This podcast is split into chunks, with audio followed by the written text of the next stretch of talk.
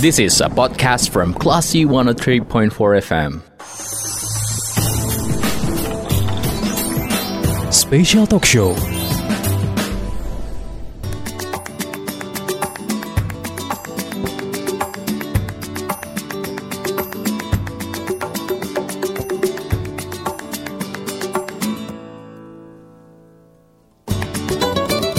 for Classy FM, this is the actual radio Assalamualaikum warahmatullahi wabarakatuh Classy People Anda masih mencermati program Daylight Time bersama saya Gandhi Prasetya Di tanggal 21 bulan Ramadan, gimana nih persediaan bahan pokok di rumah Anda?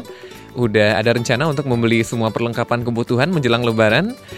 Ada baiknya nih untuk mencermati informasi yang akan disampaikan oleh narasumber kelas FM saat ini selama 60 menit ke depan ya terkait pengendalian inflasi karena cara kita berbelanja ternyata juga menjadi salah satu faktor penentu kestabilan ekonomi daerah kita ya. Dan sudah hadir di studio Klasi FM Bapak Endang Kurnia Saputra, Kepala Perwakilan BI Sumatera Barat. Assalamualaikum Pak Endang. Waalaikumsalam warahmatullahi wabarakatuh Bang Gandhi dan para pemirsa kelas FM Kabar sehat bagi ini ya Pak ya? Alhamdulillah sehat Alhamdulillah. Sudah uh, beberapa bulan bertugas di Padang Pak Sudah ini uh, gimana rasanya menjadi orang Minang Pak? Wah asik lah uh, Senang ya saya di sini Uh, tempatnya indah, makanannya enak, hmm. orangnya oke-oke ya. Uh. Iya. Oke, kita akan membahas tentang pengendalian inflasi, Pak. Uh, daya beli masyarakat yang tinggi di bulan Ramadan ini memang menjadi salah satu faktor ya Pak ya bahwa bulan Ramadan punya kemungkinan yang tinggi terjadinya inflasi. Betul. Nah, kita akan bahas nih tentang bagaimana Bank Indonesia bersinergi menggaungkan tentang pengendalian inflasi ini. Hmm. Tapi sebelumnya uh, pertanyaan penting kita awali dulu nih Pak Endang, uh, kenapa penting pengendalian inflasi ini untuk dilakukan, Pak? Inflasi itu kan penyakit ekonomi. Mm -mm sama kalau kita uh, komparasikan sama dengan tekanan darah. Kalau tekanan darah kita terlalu tinggi, stroke. -hmm. Tekanan darah kita terlalu rendah, juga kita kolaps. Yeah. Ya. Nah, inflasi itu uh, harus uh, ada pada uh, pada level yang memang bisa di manage ya. Target kami di Indonesia antara 2 sampai 4 persen nah itu relatively inflasi yang cukup stabil dan rendah. Jadi inflasi rendah dan stabil itulah yang harus kita jaga. Mm -hmm. Yeah. Oke, bentuk seperti apa nih Pak pengendalian inflasi yang saat ini uh, mestinya wajib kita uh, pahami? Ada empat K yang kita uh, laksanakan ya. Artinya pemerintah, Bank Indonesia, uh, dan juga stakeholders terkait pengendalian inflasinya melalui kerangka 4K yaitu kita harus menjamin uh, ketersediaan uh, barang dan jasa ya. K yang pertama, hmm. K yang pertama ketersediaan. K yang kedua adalah keterjangkauan. Keterjangkauan itu baik dari sisi harga maupun juga dari sisi kenaikan harganya harus masih tetap bisa di uh, tolerir lah seperti itu. Jadi harga itu harus bisa dijangkau oleh masyarakat banyak yang membutuhkan. Hmm. Ya. Misalnya uh, harga beras gitu ya, tidak boleh terlalu tinggi sehingga masyarakat nggak mau membeli. Nah ini harus terjangkau. Kayak yang ketiga adalah kelancaran distribusi. Hmm. Jadi distribusi barang dan jasa itu, khususnya barang uh, komoditas itu harus lancar sehingga pada saat dibutuhkan sudah ada, sudah tersedia. Dan kayak yang keempat adalah melalui komunikasi efektif seperti yang kita lakukan sekarang. Jadi komunikasi efektif itu membentuk persepsi positif di masyarakat. Misalnya kalau kita sampaikan bahwa inflasinya terkendali, insya Allah masyarakat juga menerima. Tapi kalau kita sampaikan bahwa besok barang naik, itu betul-betul naik. Mm-hmm. Ya, hmm, hmm, hmm. biasanya demikian ya. Nah. Oke, berarti ada 4K ya Pak ya. 4K. Keterjangkauan harga, ketersediaan pasokan, kelancaran, kelancaran distribusi. distribusi dan satu lagi adalah komunikasi kebijakan yang efektif. Ba mana yang paling sulit mengaturnya, Pak? Kayak yang terakhir, nah, komunikasi itulah yang paling sulit, ya. Nah, dan BI sekarang hadir untuk mengkomunikasikan itu kepada masyarakat ya, Pak. Betul, ya? betul, betul. Ya. Baik. Iya, karena inflasi yang rendah uh, dan stabil ini kan sangat berpengaruh sama pertumbuhan ekonomi masyarakat ya. Iya betul betul. Hmm. Baik, kalau untuk uh, perkembangan terkini inflasi di Sumatera Barat bagaimana Pak Endang? Nah tahun lalu Sumatera Barat adalah juara nasional inflasi ya, artinya uh, provinsi ini dipandang inflasinya tertinggi se Indonesia 7,43 itu tahun 2022. Tapi alhamdulillah sekarang sudah mulai melandai dari 7,43 sampai seka sekarang ini sudah melandai ke 5,97. Alhamdulillah. Ya, kemarin kami juga melakukan sidak pasar, misalnya harga cabai ya itu ada yang 23.000 sampai 28.000. Berbeda hmm. dengan yang tahun lalu sampai 99.000 atau 100.000 ya. Sekarang sudah jauh turun dan ini alhamdulillah karena eh, ketersediaan pasokannya ini sudah dilakukan baik oleh pemerintah provinsi eh, dan dinas terkait khususnya kemudian juga oleh swasta. Ya. Oke, berarti juara yang tidak diharapkan ini kita nggak dapat lagi ya, Pak ya? Insya Allah. Insya Allah. Bahkan tahun ini kami mentargetkan Sumatera Barat kembali pada track normalnya yaitu antara 2 sampai 4 persen inflasinya. Ini pengaruh siapa aja, Pak? Uh, inflasi itu memang tidak bisa di uh, handle ya, ditangani hanya oleh pemerintah provinsi atau kabupaten kota ya. Ini harus sama-sama rame-rame ya. Pertama uh, sinerginya harus melibatkan juga uh, stakeholders yang lain ya. Bank Indonesia, kemudian juga para pengusaha ya, trader, pedagang dan sebagainya, kemudian juga para pemasok. Hmm dan juga semua unsur termasuk klasi FM kan sekarang me, me, mengkampanyekan kayak yang terakhir ya. Mm-hmm. Tapi khususnya untuk ketersediaan dan keterjangkauan ini peran pemerintah provinsi, kabupaten kota ini sangat vital ya. Uh, jadi jadi uh, ini merupakan uh, usaha yang memang harus digotong rame-rame melalui hmm. kerjasama kolaborasi. Baik, berarti secara nggak langsung pengendalian inflasi saat ini cukup baik Pak Endang? Insya Allah tahun ini Sumatera Barat uh, cukup baik ya. Kemarin bukan inflasi malah di Lebaran ini di bulan Ramadan malah pada awal dua minggu pertama kita melihat adanya deflasi. Wow, ya, alhamdulillah. Deflasi, iya. Luar biasa. Oke, okay. um, untuk peran Bank Indonesia dalam pengendalian inflasi ini, Pak, Nah, Bank Indonesia itu kan satu sekarang tujuannya adalah menjaga kestabilan uh, nilai rupiah. Nah, nilai rupiah ini stabilnya terhadap dua, satu terhadap harga, satu lagi terhadap nilai tukar dengan uh, mata uang lain. Nah, nah, khususnya terhadap tujuan Bank Indonesia yang pertama yaitu kestabilan rupiah terhadap harga. Inilah peran Bank Indonesia dalam mengendalikan inflasi. Karena misalnya seratus satu atau seratus ribu lah katakanlah mm -hmm. di eh, tahun 2020 itu sudah beli misalnya beberapa komoditas ya enam komoditas. Yeah. Nah ternyata 2023 hanya menjadi lima komoditas. Itulah inflasi mm -hmm. karena nilai beli harga daya beli daripada rupiahnya jadi menurun. Nah, Indonesia ini kan sebetulnya negara dengan pada tahun-tahun awal kita membangun ini pertumbuhannya tinggi, bagus sekali ya. Tapi inflasinya juga tinggi. Ya biasa kalau harga apa namanya pada saat kita memang ekonomi sedang kuat, inflasinya juga tinggi. Sehingga daya beli atau kekuatan rupiah, nilai rupiahnya terhadap harga itu terus melemah. Bayangkan misalnya saya orang tua saya membeli motor Honda uh, bebek pada tahun itu 158 rupiah ya tidak sama 158 rupiah pada tahun uh, 80-an dengan sekarang iya. ya sudah tidak bisa beli apa-apa itulah inflasi ya. iya. jadi inflasi ini harus dikendalikan ya gitu oke okay. Kemudian peran penting Bank Indonesia dalam melakukan pengendalian pengendalian inflasi ini juga uh, membuat sebuah tim begitu ya Pak ya, ada pembentukan timnya ada dua hal. Pertama adalah TPID, Tim hmm. Pengendalian Inflasi Daerah yang diketuai oleh Bapak Gubernur. Nah, wakilnya memang kepala BI ya, di setiap daerah. Yang kedua adalah e, pemerintah dan Bank Indonesia karena inflasi pasca Covid ini tinggi, hmm. me, sudah mencanangkan gerakan nasional pengendalian inflasi pangan. karena se-Indonesia dan bahkan global inflasi pangannya luar biasa menggila pada tahun 2021 sampai 2022. Itu faktor apa, Pak? Nah, setelah dilepas kan tadinya ekonomi itu eh, eh, apa namanya tidak banyak permintaan pada Mhm. pa- saat Covid.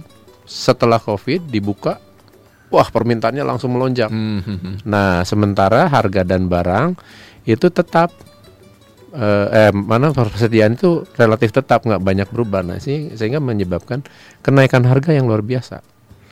Ya, artinya yang yang minta banyak stoknya terbatas. Mm-mm. Iya, Oke. harganya naik. Hmm. Oke, itu salah satu penyebabnya begitu ya, Pak. Jadi ada eh, tim yang dibentuk oleh eh, sinergi Bank Indonesia dengan pemerintah, Mm-mm. kemudian juga Gerakan Nasional Pengendalian Inflasi Pangan. Ini tahun 2021 eh, itu dicanangkan di semua daerah di Indonesia, ya, termasuk Sumatera Barat. Mm-mm. Termasuk Sumatera Barat. Baik, mungkin untuk Anda yang ingin bertanya kelas people, eh, kita mau tanya jawab mungkin gitu ya Pak ya. Silakan untuk telepon ke 08 1266 01034. Saya tunggu sesaat lagi setelah break komersial berikut. Jangan ke mana-mana. Keep in tune di Klasi FM.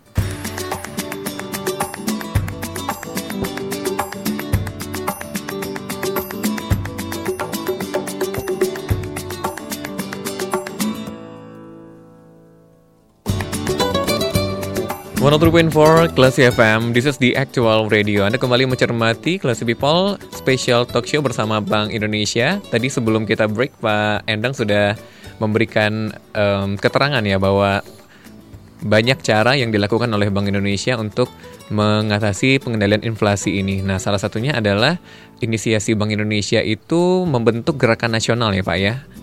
Kalau pengendalian- lengkapnya kita eh, sampaikan adalah Gerakan Nasional Pengendalian Dengan Inflasi, Pangan, pangan. Ya, atau GNPIP. GNPIP. Ini seperti apa, Pak? Eh, GNPIP itu sebetulnya digagas oleh pemerintah pusat. Nah, Bank Indonesia fasilitatornya ya. Jadi oleh Pak Presiden pada waktu itu dicanangkan dan Pak Gubernur BI mendukung apa yang dilakukan oleh pemerintah. Nah, di daerah-daerah juga sama sebetulnya yang mencanangkan ini Pak Gubernur. Nah, Bank Indonesia memfasilitasinya. Eh, GNPIP itu ada tujuh eh, apa namanya kegiatannya. Yang pertama adalah kita membantu penyediaan bibit, ya. Nah, cabai merah misalnya kemarin inflasinya luar biasa. Nah, ternyata banyak eh, sekali gapoktan-gapoktan yang bisa menyeimbangkan suplainya. Nah, itu disuplai eh, bibitnya, dibantu lah. Kemudian yang kedua adalah kerjasama antar daerah. Nah, kerjasama antar daerah ini di eh, mengingat eh, setiap daerah yang melakukan kerjasama biasanya supply demand eh, komoditasnya terjaga dengan baik. Misalnya nih Sumatera Barat dengan Jawa Barat atau Sumatera Barat dengan Jawa Timur. Jadi ketersediaan pasokan telurnya terjaga dengan baik ya. Sumatera Barat dengan Riau misalnya ketersediaan pasokan beras di kedua daerah tersedia dengan baik ya. Sumatera Barat ini supplier utama ke Pekan ke Riau khususnya Pekanbaru ya. Itu yang kedua. Yang ketiga adalah kita juga dalam gerakan tersebut diberikan bantuan alat produksi eh, pertanian ya misalnya jika ada daerah yang memang inflasinya tinggi karena nggak ada rice milling itu dibantu ya didukung dengan persyaratan bahwa yang dibantu ini adalah kelompok gapoktan yang memang bisa menjalankan dan memanage eh, alat-alat produksi pertanian tersebut ya. Bahkan juga ada proses di mana para gapoktan itu kita hubungkan dengan bank sehingga pembiayaannya bisa melalui kredit usaha rakyat. Kita Hmm. kerjasama dengan Kementerian Pertanian dan itu udah bagus. Kementerian Pertanian itu menyelenggarakan pembiayaan untuk produksi pertanian ya. Eh, kurnya saja hanya 6% disubsidi oleh pemerintah bunganya 3% sehingga sehingga petani itu hanya membayar 3%. Hanya 3%, Pak. Hanya 3%. Luar biasa. Ya. Nah, ini eh, perlu kami sosialisasikan lebih jauh lagi ini sebetulnya. Kemudian juga eh, hal-hal lain antara lain misalnya eh, subsidi untuk daerah-daerah yang memang eh, ongkos angkutnya berat. Nah, di Sumatera Barat insya Allah alhamdulillah kami sudah bertemu dengan Bupati Mentawai pada satu kegiatan pasar murah mereka ongkos angkutnya ditanggung oleh Bank Indonesia semua. Hmm. Ya, jadi kita harapkan misalnya harga beras yang di Padang dengan Mentawai sama. Jangan sampai misalnya harga beras di Padang katakanlah 10.000 ya. Tapi di Mentawai menjadi 15 atau 20.000. Kita usahakan sama harganya 10.000 juga. Walaupun naik misalnya menjadi hanya 10.500 ya. Sisa itulah yang disubsidi oleh Bank Indonesia ongkos angkutnya. Eh itu kurang lebih program-program GNPWP. Jadi kita menyeimbangkan antara supply dan demand pangan kalau gera- eh, gerakan nasional pengendalian inflasi pangan ini. Yang kekurangan bibit kita kasih bibitnya, yang kekurangan alat produksi pertanian kita kasih gitu juga. Dan kita juga bina petani-petani melalui gerakan ini. Luar biasa. Ini udah disalurkan ke daerah mana aja Pak Endang? Kalau di eh, Sumatera Barat, pertama Kabupaten Tanah Datar, ya.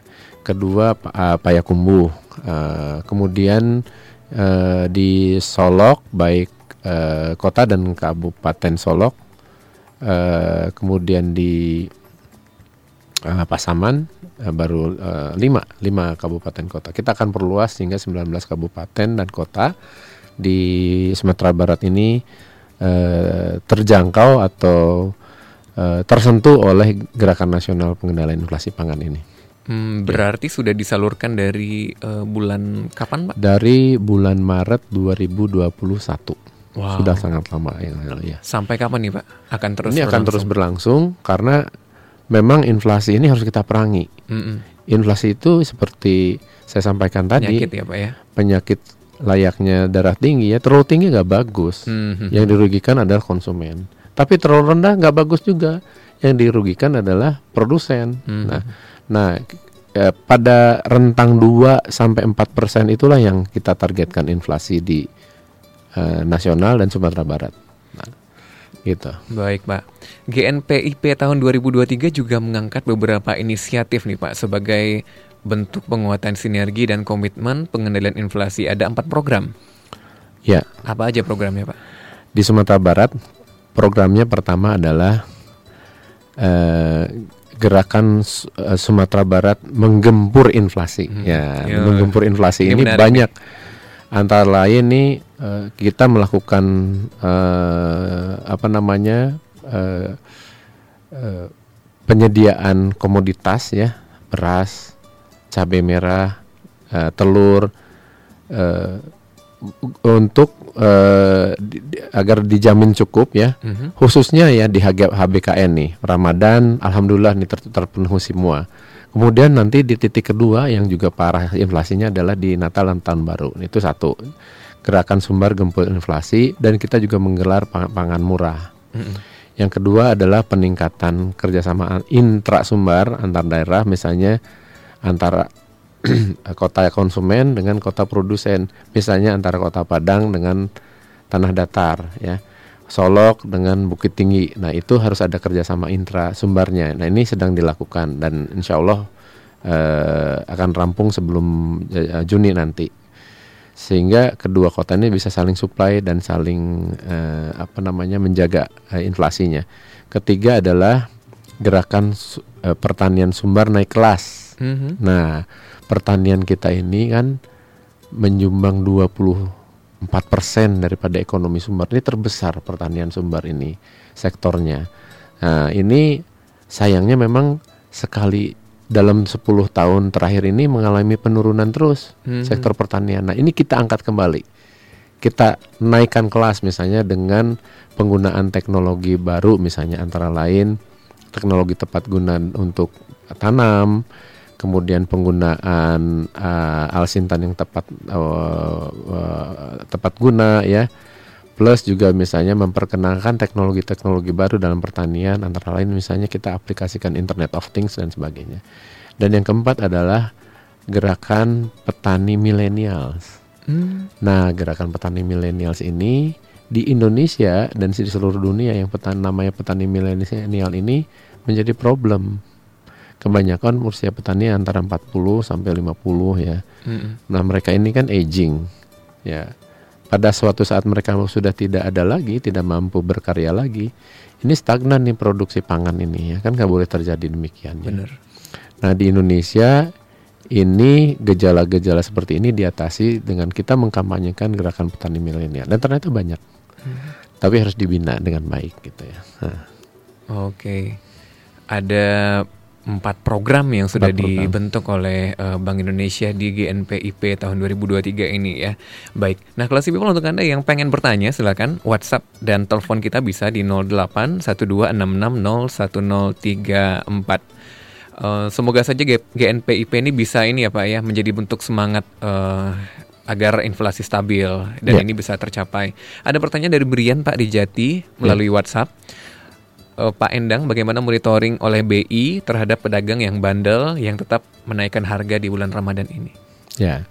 Ya kadang-kadang kita harus seimbang juga ya. Bulan Ramadan adalah bulan penuh berkah di mana ya pada satu tahun sekali mungkin pedagang bolehlah uh, ikut menikmati berkahnya bulan Ramadan dengan kenaikan harga dengan apa namanya mereka mungkin menaikkan harga tapi uh, tidak boleh terlalu tinggi ya. Nah, sebetulnya bukan peranan BI nanti langsung apa namanya mengatasi pedagang-pedagang bandel ini. Nah, kami bekerja samanya di dalam tim pengendalian inflasi daerah tersebut. Sehingga yang bergerak adalah uh, juga selain uh, Bank Indonesia tapi juga pemerintah provinsi yang memang jauh lebih berwenang menangani hal-hal tersebut dan ini sudah dilakukan. Dan yang lebih efektif lagi, kita melibatkan Satgas Pangan dari kepolisian. Polisi-polisi tersebut, terima kasih pada Pak Kapolda, misalnya senantiasa melakukan sidak uh, uh, beberapa gudang stok untuk memastikan tidak ada spekulasi penimbunan ya. Kalau ini sudah spekula spekulan-spekulan sudah menurut saya sih sudah dalam kerangka uh, tindakan yang memang agak melanggar hukum gitu ya. Tapi kalau pedagang-pedagang kecil menaikkan harga yang cukup wajar saya kira tidak menjadi masalah ya. Toh satu tahun sekali mereka juga harus tetap mengambil keuntungannya karena mereka perlu berlebaran juga gitu. Hmm. Nah eh, rasanya sih di tingkat pedagang kadang-kadang kenaikan harga itu memang terjadi di sektor hilirnya, eh dari hulunya ya. Jadi memang sudah mahal dari awal dari mereka belinya. Eh, beberapa pedagang yang memang sudah ketahuan misalnya menaikkan harga luar biasa ya biasanya Satgas Pangan dan TPID yang bergerak uh, da, uh, apa namanya mengendalikannya. Gitu. Tentunya ada laporan dulu ya Pak ya. Ada laporan dari masyarakat. Mm-hmm. Nah sekarang misalnya harga daging, oh satu lagi uh, untuk mengendalikan yang nakal-nakal gini diimbangi juga ya. Ini terima kasih kepada toko tani Indonesian Center dan Bulog. Daging yang 140 ribuan ini tidak diimbangi dengan daging beku ya yang 85 ribuan. Ternyata laku mm-hmm. daging beku ini. Mm-hmm. Dan orang Sumbar karena jago kuliner nih bisa mengolahnya mm-hmm. menjadi uh, rendang yang enak. Uh, daging beku uh, 85 ribu ini dan setiap kali ada artinya gini begitu ada yang menaikkan harga TTIC itu langsung datang ke uh, pasar hmm. supply daging buku bersama Bulog. Hmm. Ya, jadi akhirnya toh yang menaikkan harga kembali ke harga normal kembali gitu. Hmm. Ini sudah dilakukan di Kota Padang sejak awal Ramadan. Hmm. Nah, ini kami apresiasi toko tani Indonesian Center dan Bulog. Hmm, baik. Ini kalau ibu-ibu yang dengar pasti langsung ini nih Pak. Wah, ini toko tani Indonesian, Indonesian Center ini di mana nih bisa dapetin harga daging atau harga-harga yang lainnya? Nah, sebetulnya yang lebih mudah nanti Senan ke TTIC bisa langsung ke Bulog. Hmm. Nah TTIC itu ada di uh, bypass ini. Saya lupa, jalan lupa nomornya sih sebetulnya. Uh, mungkin kalau di uh, Google Map ya hmm. uh, TTIC Provinsi Sumatera Barat yang lokasinya di uh, apa namanya di bypass, bypass hmm. itu bisa segera didatangi oleh para ibu-ibu. Kemarin hmm. kami melaksanakan gelar pangan murah, wah rame itu. Uh -uh. Daging terjual dalam waktu dua jam habis. Wow. Iya. Jadi silakan aja di searching ya Pak ya. Ya, ya silakan silakan. Datang karena ini merupakan juga uh, sinergi pelaksanaan pasar murah antara BI dengan Disperindak Sumber Disperindak dan juga toko TTIC, tani. Uh, Dinas Ketahanan Pangan TTIC dan juga Bulog. Mm -hmm. Ya. Baik, ini juga yang menarik Pak, ada sinergi penguatan distribusi melalui kerjasama antar daerah dan optimalisasi toko pengendalian inflasi. Ini uh, seperti apa Pak programnya? Nah, toko pengendalian inflasi ini adalah uh, kalau di Sumbar ini Toko Tani Indonesian Center, mm-hmm. TTIC. Nah, mm-hmm. Toko Tani Indonesian Center ini menyediakan barang-barang yang harganya lebih murah dibandingkan dengan harga di pasar. Mm-hmm. Ya seperti tadi, misalnya daging 85.000, kemudian cabai di sana bisa antara uh, lebih murah daripada di pasar ya. Harganya saya harus cek lagi. Uh, hanya karena suplainya sedikit, jadi silakan saja nanti begitu ada gelar pangan murah, minyak goreng misalnya juga banyak yang harganya 14 ribuan di situ. Nah ini bisa diakses oleh uh, seluruh masyarakat nih. Hmm. Sayangnya mungkin masih banyak yang belum tahu ya. Nah gelar pangan murahnya itu memang bisa dilaku, dilakukan oleh TTIC nih setiap hari nih di Kota Padang. Hmm. Nah Nah, TTIC inilah yang kita sebut toko pengendalian inflasi daerah. Yeah. Oke, ini uh, salah satu bentuk ini ya uh, keberhasilan fokus program pengendalian inflasi untuk keterjangkauan harga, ketersediaan pasokan, uh, dan kelancaran, distribusi, ya, ya Pak ya. distribusi. Oke, menarik banget nah. Classy People untuk Anda yang pengen bertanya silakan ya ke 08 1266 01034. Saya tunggu. Setelah yang satu ini kita ke break komersial dulu.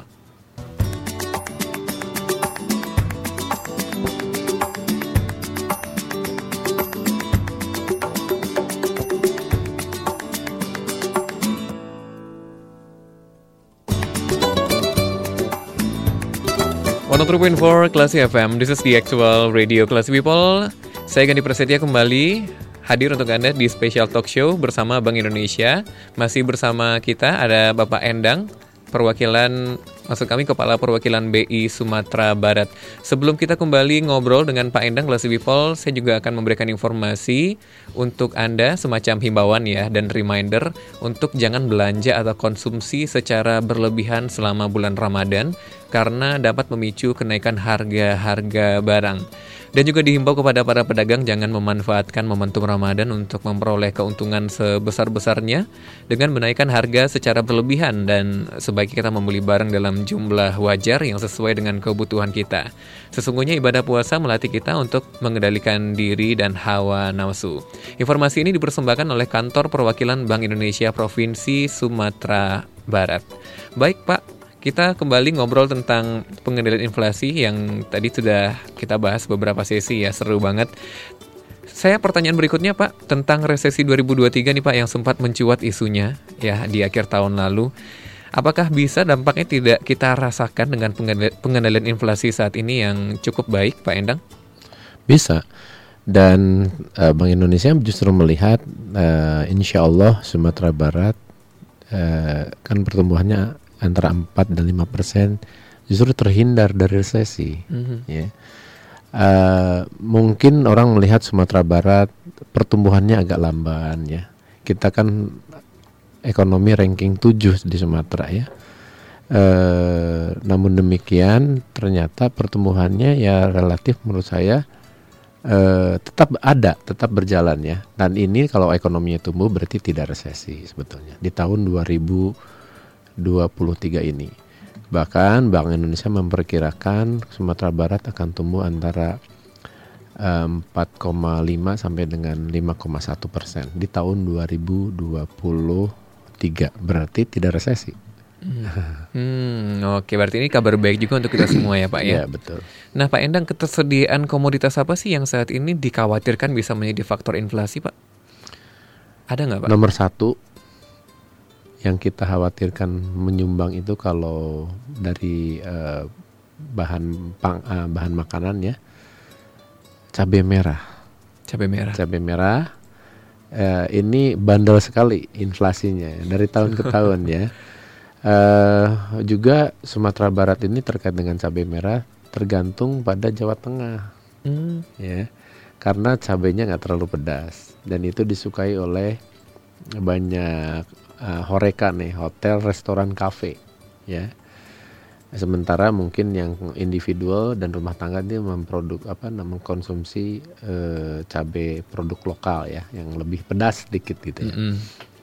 Uh, itu satu. Uh, jadi cabai merah ini kita cukup banyak sekali untuk uh, upaya pengendaliannya. Yang kedua adalah telur. Mm-hmm. Telur ini juga sama. Uh, mungkin kalau ada peternak-peternak yang memang dalam skala besar ini bagus sekali nih kalau ditumbuhkan di Sumatera Barat ini. Saya kira insya Allah lah kalau ada uh, apa namanya wirausahawan yang bisa uh, mengembangkan ini akan menjadi bisnis besar nih di Sumatera Barat nih. Baik. Kemudian Pak, uh, mungkin ada hal-hal penting yang perlu diketahui oleh masyarakat, baik itu untuk pedagang mungkin atau ibu rumah tangga dan lain-lain. Ya, pertama di Ramadan ini ya, memang kami menghimbau agar belanjanya bijak ya. Jangan satu bulan ini bahkan ada masyarakat tuh banyak juga yang sampai untuk berlebaran saja sampai minjam gitu ya. Hmm. Ya artinya Ramadan ini tidak memaksakan kita untuk berlebihan, justru harus dikendalikan. Jadi belanjanya juga harus bijak ya. Biasanya nih contoh kecil saja saat kita mau berbuka kita borong barang gitu banyak gitu ya, sudah buka tuh akhirnya tidak termakan -hmm. dan sebagainya. Nah ini kan bukan uh, bukan uh, agama Islam mengajarkan nih di Ramadan uh, berlebihan seperti itu. Kemudian uh, belanja bijak ini juga maksud kami adalah sesuai dengan kemampuan penghasilan kita ya. Jangan sampai karena ada kebutuhan, ada keinginan kita terpaksa harus pinjam sana sini ya. Dan kedua, uh, memang uh, para pedagang dipersilakan untuk bisa menikmati berkahnya Ramadan untuk mengambil keuntungan. Namun ingat juga masyarakat nih, untung boleh, tapi untungnya jangan terlalu banyak berlebihan, jangan eksesif gitu. Dan eh, kami juga menghimbau tetap bahwa eh, pengendalian pasca Ramadan ini yang jauh lebih penting ya. Jadi kebiasaan sudah bisa mengendalikan diri di bulan Ramadan.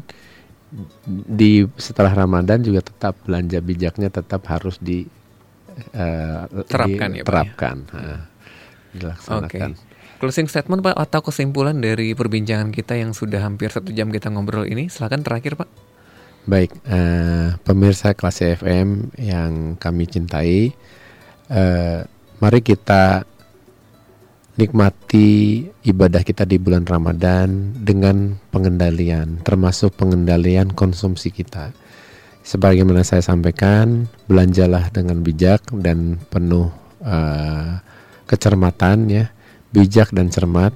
Kemudian juga uh, sebagai bukti di bedah kita kepada Tuhan yang Maha Esa jangan lupa juga kita yang memang mungkin insya Allah ber, diberikan rahmat uh, jangan lupa juga bersedekah kepada uh, apa namanya masyarakat lain yang jauh lebih membutuhkan. Belanjanya bijak tapi sedekahnya juga harus banyak. Mungkin demikian Terima kasih banyak Pak Endang sudah datang ke studio kelas FM menginformasikan, mengkomunikasikan kepada masyarakat kita terkait inflasi ini. Semoga saja program-program dan juga inisiasi-inisiasi yang sudah dihadirkan oleh Bank Indonesia ini bisa membuat inflasi tetap stabil ya dan bisa terkendali dengan baik. Insya Allah, insya Allah. Sebetulnya bukan peran Bank Indonesia, lebih jauh lagi lah peran pemerintah provinsi Sumatera Barat kota dan kabupaten. Dan kerjasama kita semua ya Pak Dan ya? kerjasama kita semua termasuk kelas FM. Iya, nah. terima kasih banyak. Dan kelas People saatnya kita berdua harus pamit. Saya dan Pak Endang dari program Daylight Time. Terima kasih untuk Anda yang sudah mencermati. Assalamualaikum warahmatullahi wabarakatuh. And then, see you.